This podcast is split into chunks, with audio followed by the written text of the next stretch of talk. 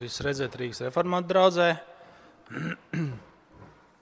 prieks, prieks. Mēs šodien turpinām sēriju uh, no psalmiem, kuras esmu paņēmis nosaukumu uh, no vienas dziesmas, tātad, ko mēs dziedam, kur vārdi ir, kad visa man ir un, un šķīst no debesīm, man gaisma līst. Un es domāju, šajā brīdī, šajā laikā diezgan atbilstoši, ka Dieva vārds mums apsola, ka mums no kunga, dēļ Kristus, līst gaisma arī pat tumšos laikos. Un kā tā ir, kā tā ienāk? Un šeit mēs runāsim, kā mums psalmi māca un ko apsola lūdzot bailēs. Ja? Kāds mums ir apsolījums lūdzot bailēs? Es šodien nolasīšu no 5. Tātad no 5. psalma 8. pāntu, kas ir tāds vadmotīvs un apsolījums un ir centrs šim piektajam psalmam, 8. pants, tad lūgsim un ieklausīsimies. Ja? Bet es ieiešu tavā namā, tavas pārpilnās žēlastības dēļ, bijādams tevi. Lūksim Dievu. Kungs, mēs tev pateicamies, ka tavs pārpilnās, bagātīgās, lielās, pārplūstošās žēlastības dēļ, ko tu mums izsniedz, nevis, ne, nevis skopi, vai pēc mūsu nopelniem, bet eh, pārpilnīgi Kristus dēļ. Dēļ šīs žēlstības pateicamies, Kungs, ka mēs varam nākt tavā priekšā, būt tavā namā, eh, būt tavā draudzē un zināt, ka mēs varam stāvēt tavā priekšā.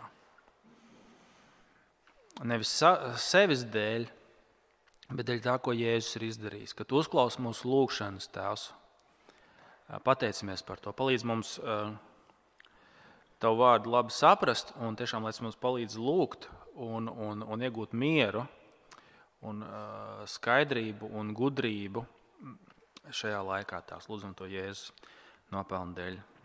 Āmen. Āmen.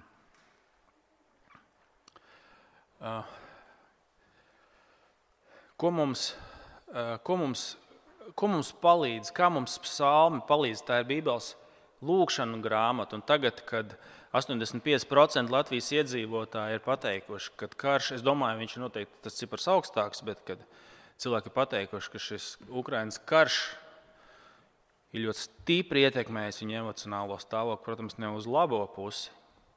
Kā mums psalmu grāmata var palīdzēt?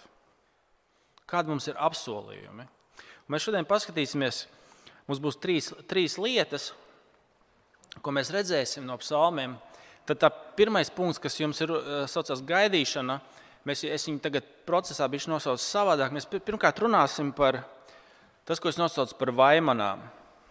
Respektīvi, tas pirmais jautājums, ar, ar, ar ko mēs varam nākt pie Dieva? Ko mums psalmi atļauj pienest kungam?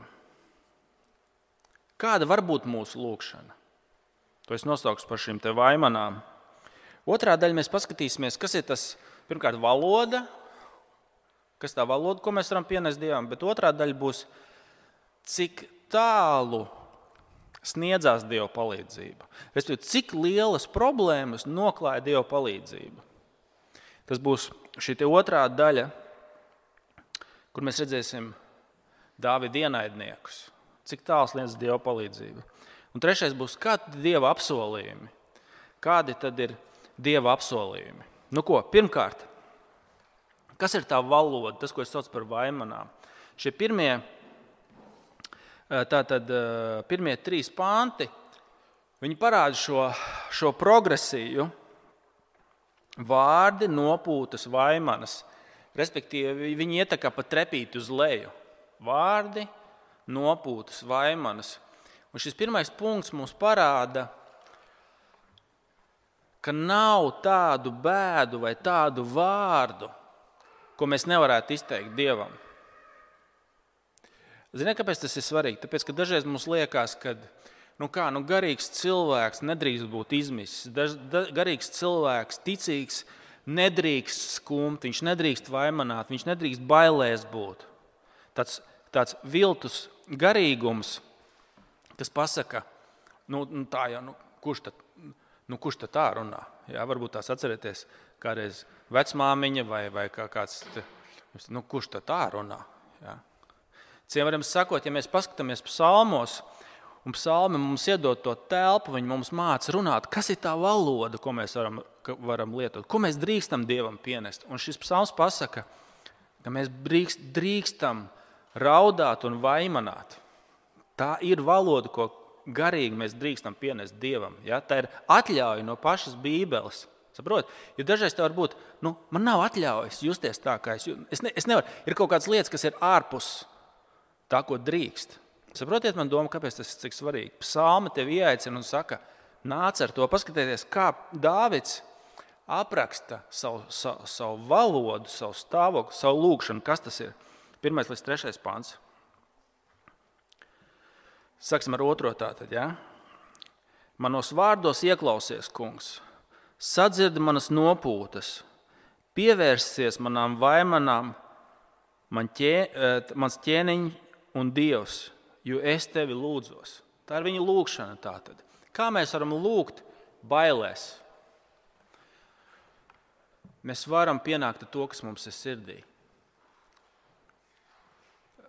Vēstule romiešiem 8. nodaļā pat Pāvils saka, ka svētais gars, kas izmeklē mūsu sirdis, pats zina mūsu bezvārdu nopūtas, ka, tik, tik, ka mēs pat nezinām vairs, ko pateikt. Tāds arī stāvoklis var būt, ka, tu, ka tev ir saka, asaras izraudātas un vaimanas izvaimanātas. Pat bezvārdu nopūtas, tu vari būt pārliecināts, ka kungs tevi uzklausa. Respektīvi, tā žēlstība iet tik tālu. Jūs paskatīsieties gan psalmu gan lūkšanas bībelē. Viņas daudzas ir diezgan tādas politiski nekorektas. Jūs paskatīsiet, kā, kā Ījāps runā, kā šis pats Dāvids.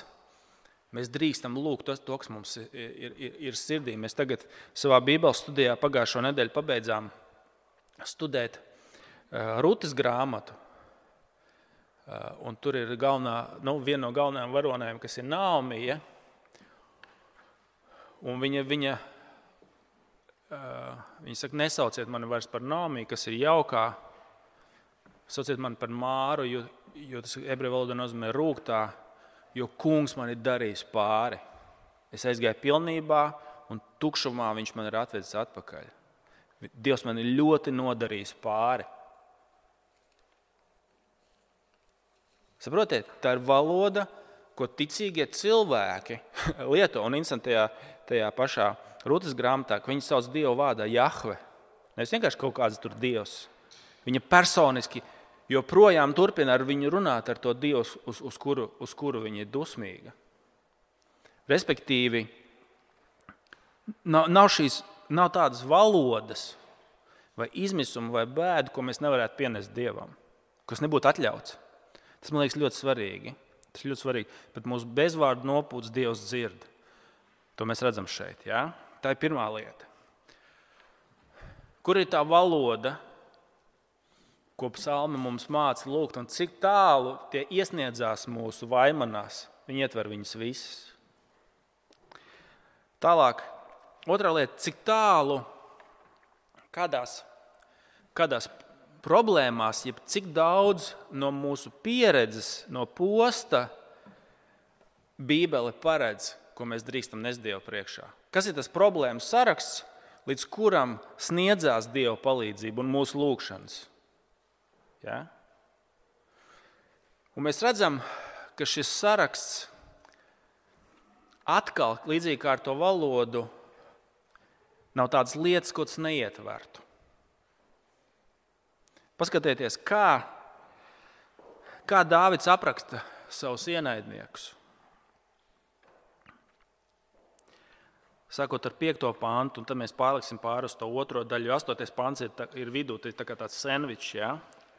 Bet sākot ar 5. pāntu, kā Dievs apraksta savus ienaidniekus? Tu esi Dievs, tas ir mūsu otrais punkts, ja kāds seko. Ja? Tā tad otrais punkts. Tu esi Dievs, kam nepatīk ļaunprātība. Ļaunums pie tevis nemājo. Tavā priekšā nestāja lielmutis, tu nīsti visus, kas dara netaisnību. Melkuļus tu pazudini, bendes un krāpnieki kungam riebi. Un tālāk, sakot ar desmito pantu, kādi viņi ir šie ienaidnieki? Cik traki, par cik trakiem eh, ienaidniekiem var lūgt, sakot ar desmito pantu. Ja? Viņu vārdi nav uzticami. Viņi pilni postīšanas, viņu rīkle ir vaļējis kaps, ar mēli tie lišķē. Sodi tos Dievs, lai tie klūp savā viltus dēļ, jo tiem daudz grēku. Triec viņus prom, jo tie dumpo pret tevi. Kas tad ir tas problēmu saraksts, jeb ja posta saraksts, ko paredz Bībele no, no, no, tiem, no, no šiem ienaidniekiem? Paskatieties, cik traki ir šie vārdi, kad Dāvids viņus, Dāvids viņus apraksta šeit. Paskatieties, 10. pantā. Viņi ir pilni postīšanas, viņu rīkli ir vaļējis kaps.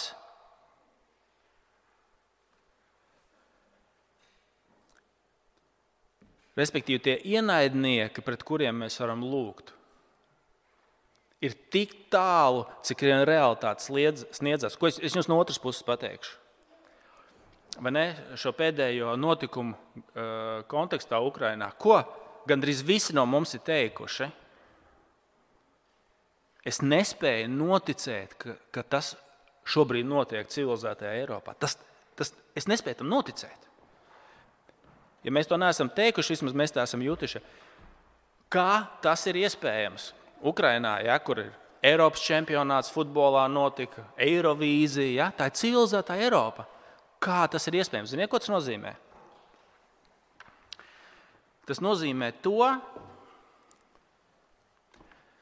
ka līdz šim tava un mana realitātes uztvere bija naivāka nekā to redz Bībele. Mēs bijām naivāki.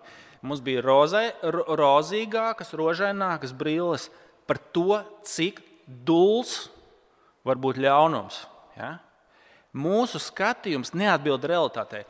Kāpēc es to saku? Mēs dažreiz domājam, vai dažreiz cilvēki apkārt uzskata, ka ka Bībele, bibliskais skatījums vai kristiešu skatījums ir pārāk naivs, ka tas nav spējīgs sadzīvot ar realitāti. Bet šis psalms ar to valodu, ko tas lieto, viņš pasakā, nē, draugiņ, tavs skatījums uz realitāti ir pārāk naivs. Bībeles skatījums vienmēr simt procenti atbildīs tam, kāda ir realitāte pasaulē. Un tas, ko mēs tagad pieredzam, ir tas, ko Bībele saka. Dāvids, ja? Dāvids kura ikdiena, ķēniņš Dāvids, Viņš bija karavadons. Tas, ko mēs šodien redzam savā televīzijas translācijās no, no Ukrainas, to postu, tā bija viņa ikdiena.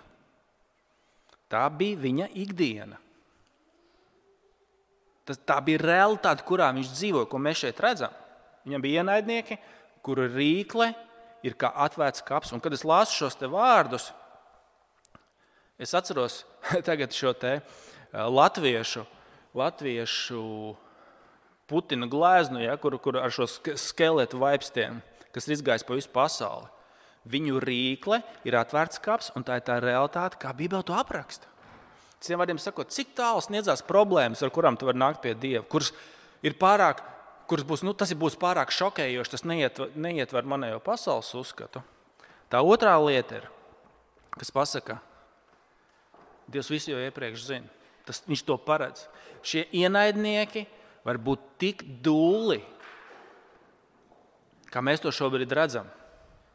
Respektīvi, nav nekas tāds, ko tu piedzīvo, kas būtu pārāk traks, lai nestu Dievu priekšā, ko viņš nezinātu, vai ko pas, bibliskais pasaules uzskats. Un tas ir svarīgi.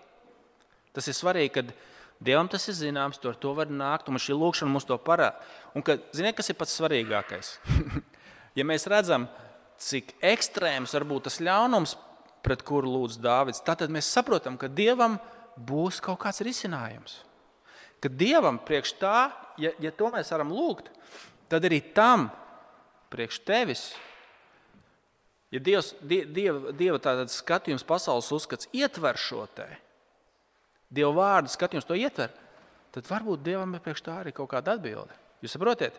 Ka nekas nav aiz tā, kur Dievs kaut ko varētu darīt. Tas, tas ir svarīgi. Ka nekāds šis vistrakākais ļaunums, kā viņš šeit apraksta, nav aiz tām robežām, kur Dievs kaut ko varētu darīt. Tas ir tavs lūgšanas pamatā. Tā var būt godīga valoda, tas var būt vaimanis. nav ļaunuma, uz kuru dievam nebūtu atbildes. Jā, tie ir viņa ienaidnieki, šie, šie ekstra, ekst, ekstrēmais apraksts. Un tad trešā lieta, kāda mums ir apsolījumi? Trešais punkts. Kādi tā, tad ir Dieva vārda apsolījumi? Kāds mēs šeit redzam apsolījumus? Ko ticīgajam Dieva vārds šeit mums pasaka? Paskatieties, ko, ko, viņš, ko viņš pasaka. Viņš būtībā pasaka vienu lietu, ka ticīgo Dievs bagātīgā, pārpilnīgā žēlastībā pārklāja ar savu gādību kā ar vairogu. Ka ticīgais ir Dieva klātbūtnē, Dieva bagātā žēlstības dēļ, Dievs apklāja kā ar vairogu ar savu labvēlību. Paskatieties, jums nolasīšu, sākot ar 8. pāntu un šī, šīs lūkšanas beigas. Ja? Bet es ieiešu tavā namā Tavas pārpilnās žēlstības dēļ bijādams tevi, zemošos tavam svētajam templim. Skatieties tālāk. 12. pāns. Lai priecājas visi, kas tveras pie tevis, lai gavilē mūžam, sargāt tos, lai gavilē tevī tie, kuri mīl tavu vārdu. Un tagad šis 13. pāns, kas ir mūsu tēma. Kungs ikvienu taisnotu svētī, kā ar vairogu sedz tos ar labvēlību. Kā ar vairogu Dievs sedz ar, lab, ar savu labvēlību tos kas, tos, kas viņu mīl un tos, kas viņu piesauc. Mēs tagad pēdējās dienās daudz runājam par lūgumu aizvērt debesis pār Ukrajinu. Ja? Militāri aizvērt debesis, pasargāt debesis no, no ļauna. Ja? Mēs dzirdam par dzelzceļa kupolu, kas ir vajadzīgs Baltijas valstīm, kāds ir Izrēlā. Un tas, kas mums šeit ir pateikts, ka Dievs ticīgo dēļ savas pārpilnīgās labvēlības, paskatieties šos vārdus, kā ar vairogu. Tas ir šis dzelzceļa kupols, tas ir aizvērtās debesis, ar ko Dievs pasargā un sedz ar savu labvēlību. Tas ir šis apsolījums. Tas, tas ir apsolījums. Tas ir apsolījums ticīgajiem. Tas, tas, tas jautājums ir, kā, nu, eh, ku, kuram tas pienākās? Jo apstieties, kā, kā eh, Dāvids apraksta eh, ticīgo. Viņš saka, ka tas pamats ir tas, ka tu vari nākt Dievu priekšā. 8. pantā, vai ne? Es ieiešu tavā namā, tavas pārpilnās žēlastības dēļ. Es varu nākt Dievu priekšā, bet bezdievi nevar. Paskatieties, ja? Uh, Sastais, tavā priekšā nestāja lielmuts. Viņš saka, tas ir pretstatā. Bezdievis nevar nākt, ticīgais var nākt Dievu priekšā. Kāpēc tas ir iespējams? Un šeit mums ir jāatcerās, ka šis psalms ir pirmkārt par Dāvidu, tas ir par viņa ienaidniekiem, bet otrkārt tas ir par labāku Dāvidu, par Kristu. Tas ir par labāku Dāvidu, par kungu Kristu, kas ir par viņu. Viņš par sevi to varēja lūgt, ka viņš var būt tēvu priekšā. Uh, apstieties, uh, kā, kā beidzas trešais pāns, ceturtais pāns. Te ir interesanta lieta. Kungs, tu rītausmā dzirdi manu balsi, es rītausmā sataisos tev un gaidu. Ko nozīmē šis sataisos? Varbūt jūs dzirdējāt, viņš saka, es sataisos un gaidu. Ko nozīmē sataisos? Ebreju valodā tas nozīmē, es sagatavoju upuri un gaidu, kad atbildēs lūgšanu. Restīvi, viņš pienes upuri un dēļ šīs pienestā upura tu atbildēs lūgšanu. Dievs atbildēs uz viņu lūgšanu dēļ tā pienestā upura. Bet ko, ko šeit ir svarīgi saprast?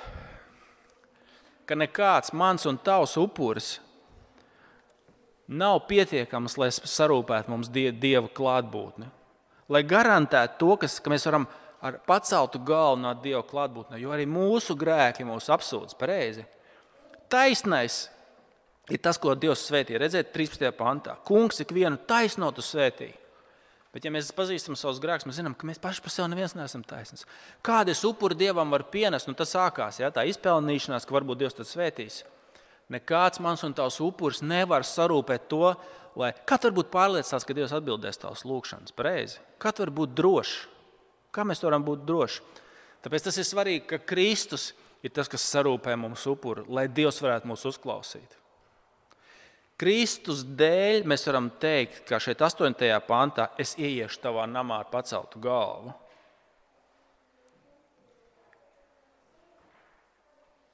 Ja? Kāpēc mēs varam nākt? Tāpēc, ka šeit, 8. pantā, ir sacīts, tavs pārpilnīgās žēlastības dēļ es tikai varu nākt.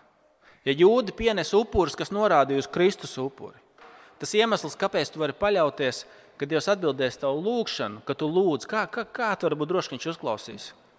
Kristus pārpilnīgā žēlstības. Tāpēc, ka Viņš ir sagatavojis upuri, sataisījies, Viņš ir sagatavojis upuri, lai Dievs tevi uzklausītu.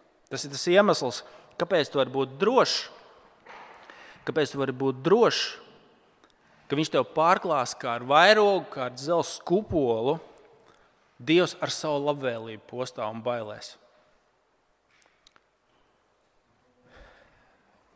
Bet šis ir tas moments, kad mums rodas jautājums, labi, ko tas nozīmē, ka Dievs man pakļa, pārklāja ar, ar savu labvēlību, kā ar dzelzceļa kupolu, kā ar vairo. Varu, kas ir tas apsolījums, ko es varu sagaidīt? Kas var būt tā, tā nu, man nekas slikts nekad nenotiks, un mēs zinām, mēs zinām ka tā nav, nu, tā nav taisnība. Bieži vien arī kristiešiem daudz kas slikts notiek. Pareizi. Arī kristietis noteikti šobrīd sēž kādā bumbu patversmē, kādā pagrabā Ukrajinā. Un ir noteikti gājuši bojā. Kas tad ir tā pasargāšana? Kas tad ir tā labvēlība? Es domāju, mūsu, ja mēs teicām, ka mūsu skatījumam ir jābūt realist, reālam, nevis rožainam, bet reālam, vai ir kāda mums ir, ir atbilde ja, uz to? Ko tas nozīmē priekš tevis? Uz ko tu vari būt pārliecināts? Par ko tu vari būt pārliecināts? Zini, šeit, šeit mums Kristus atkal Kristus persona ir tā, kas mums saliek visu vietās. Kad mēs skatāmies uz Kristu, kurš lūdza šo psalmu un teica, Kungs, mani, kungs mani sēdz ar savu labvēlību, kā ar savu kupolu. Un mē, tad mēs sakām, nākamajā brīdī, jā, bet viņš arī tika piesists krustā. Viņš bija vislabākā persona. Viņš ir taisnais, kas var stāvēt bez bailēm tēva priekšā. Bet viņš tika piesists krustā, un tas mums, ziniet, ko mums, ko mums tas paskaidro un saliek, saliek vietā. Ja jau viņš, kurš ļaunu nebija darījis, tik un tā cieta, tad Dieva pasargāšana ap, ap, ap, apslēpās tajā, ka kā, Kristu nāve nevarēja paturēt. Un nāve nevarēja uzvarēt. Kā 16. psalmā sacīts, ka tu neļausi savam svētiem redzēt satrūdēšanu, tad arī kristietim tas pasaka, tas Kristus ceļš ir mūsu ceļš. Jā, mums var notikt posts, un pat ciešanas, un pat nāve. Bet tā dieva labvēlība un viņa pasargāšana, ziniet, kā izpaužās? Es jums pat atbildēšu Bībeles vārdiem, kad otrajai nāvei par jums vairs nebūs vara.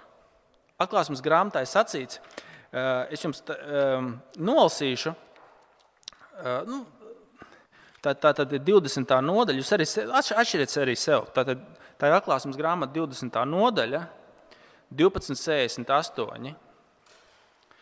1268. lapas pusi varēs jau Bībelē atšķirt.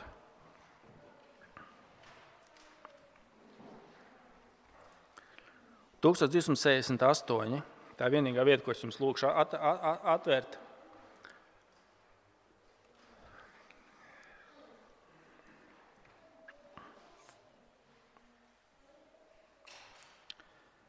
Tā tad atklāsmes grāmata 20. nodaļa, 1268. lapas puse, 20. nodaļa, 6. pāns.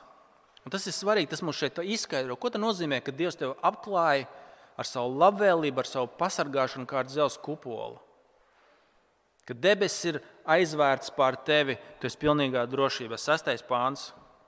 Laimīgs un svēts ir tas, kam ir daļa pie pirmās augšām celšanās. Otrajai nāvei par viņiem vairs nav varas, bet tie būs Dieva un Kristus priesteri un valdīs ar viņu tūkstošus gadus. Ko tas nozīmē? Viņš saka, Pirmā augšām celšanās ir tā, ka tu notici Kristum.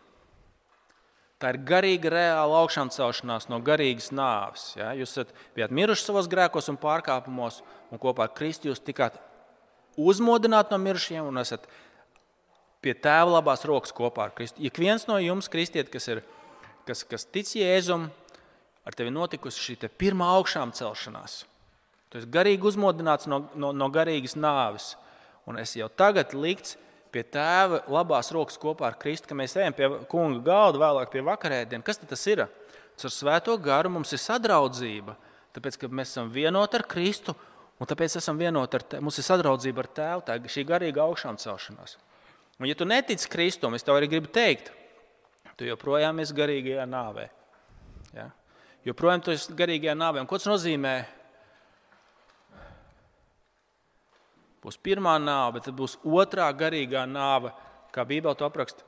Uguns ezers, uguns jūra, kurā viss tiks iemests. Pat ele tur tiks iemests, un nāve tur tiks iemests. Tā ir otrā nāve. Bet priekš kristieša otrajai nāvei, kā mēs tikko lasījām, par tevi vairs nav, nav varas. Tu esi kā dzelzs kupola nosekts, un es pasargāšanā, un es zem Dieva labās rokas. Viņa lielās, bagātīgās apžēlošanas dēļ, tu esi tēva priekšā. Jūs saprotat, ko tas nozīmē? Ko tas nozīmē?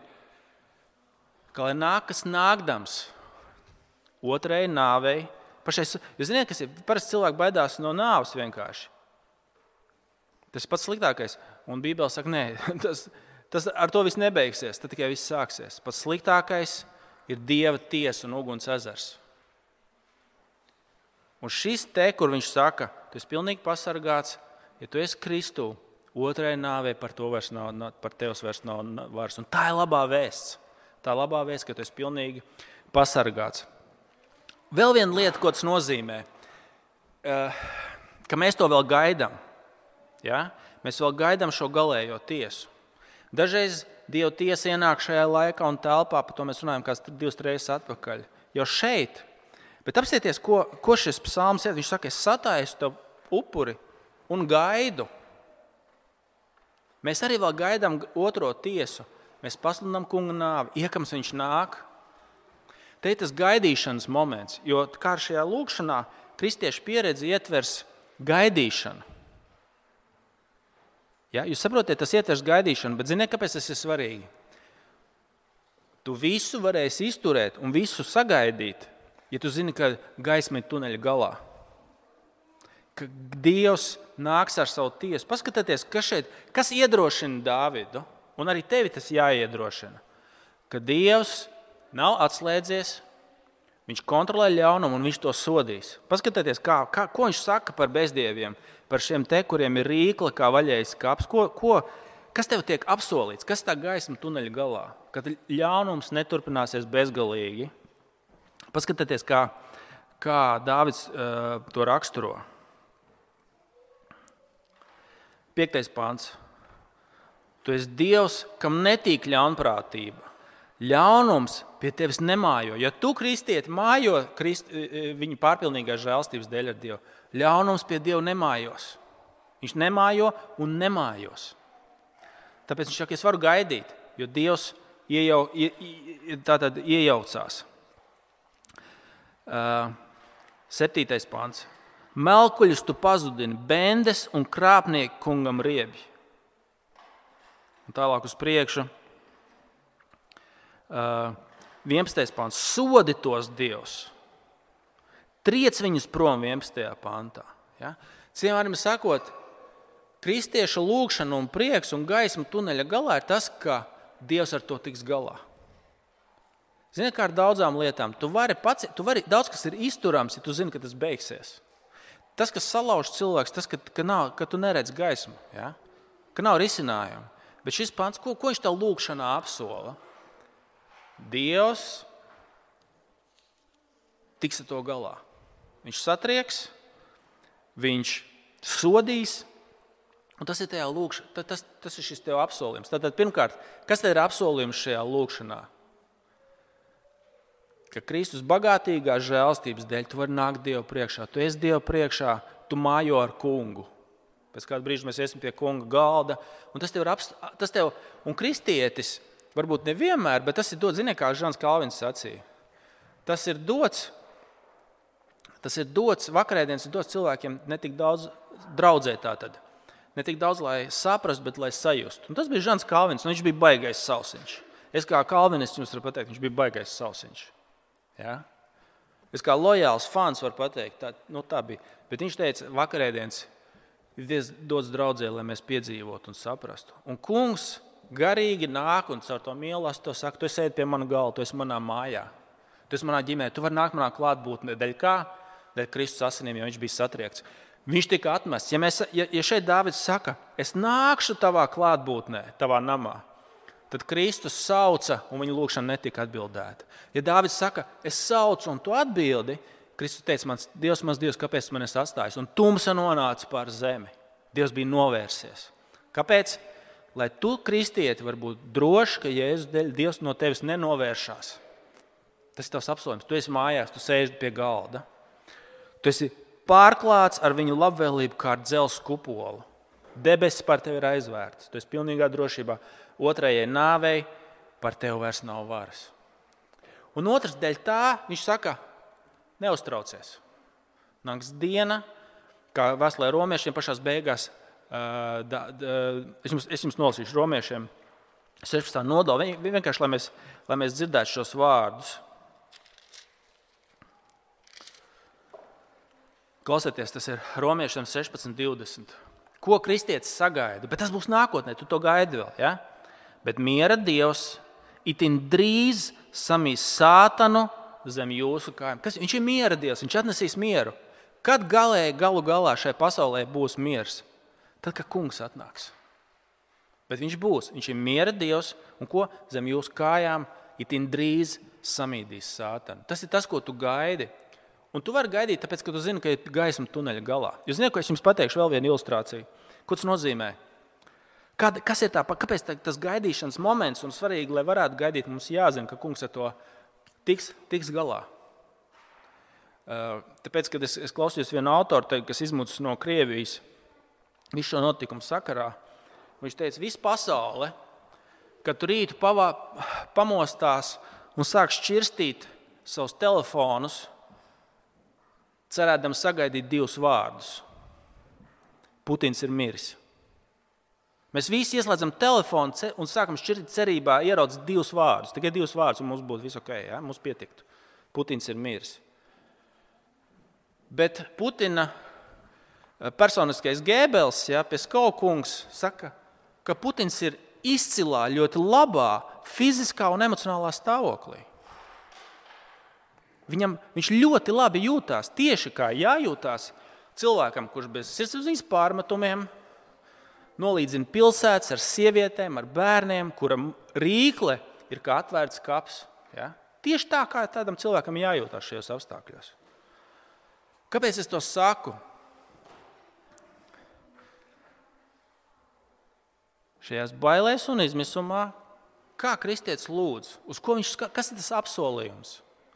Ka tu, brāl un māsa, viņa pārpilnīgās lielās žēlstības dēļ esi kā zem dzelzceļa kupola. Apstāties, kā, kā viņš saka, Kungs ikvienu taisno svētī, un ebreju valodā tur ir pārklāja, šī pati pārklāšanas, pārklāja ar svētību. Pret tevi ir vērsts kunga labvēlīgais vaigs viņa gaišais vaigs. Bet ir apsolījums, ka itin drīz, ne pēc mūsu varbūt mērauklām, bet Dievs samīdīs visu ļaunumu un šos bezdievis, šos ļaunos valdniekus, kur rīkli kā, kā atvērts kaps, viņš ar viņiem tiks galā. Un tāpēc tas būs jāzina vienkārši, lai tu spētu gaidīt. Ja tev ir gaisma, tad tu galā, tu izturēsi. Ja? Tev ir iedots šis instruments, Dieva apsolījums, ko viņš saka ka tu esi tēva klātbūtnē dēļ Kristus. Un otrs, ka Dievs tiks galā ar to. Viņš tiks galā ar to. Tieši šie divi apsolījumi, kad mēs lūdzam, kad mēs lūdzam. Mēs varam vaimanāt. Nav nekāda tāda ļaunuma, ar kuru Dievs nevarētu tikt galā.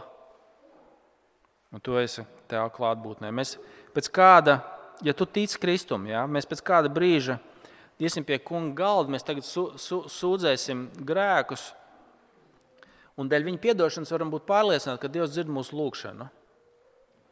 Un ka Viņš tev pārklāja kā ar spārniem ar savu labvēlību. Mēs sūdzēsim savus grēkus, un dēļ šīs lielās, kāpēc, kāpēc kā jau mēs dzirdējām, Dārvids saka, bet es pret, pretēji bezdieviem, kaut arī mums kopā ar viņiem vajadzēja būt vienā vietā. Ja? Kuri nestāja, nenāks Dievu priekšā, kuri nevarēs pastāvēt. Ka malkuļus Dievs pazudina. Mums visiem tur vajadzēja būt. Bet dēļ kā mums ir atdošana, tagad pirms grēkstotas lūkšanas, to mums ir vērts atcerēties. Kāpēc 8. pantā es ieiešu tavā namā?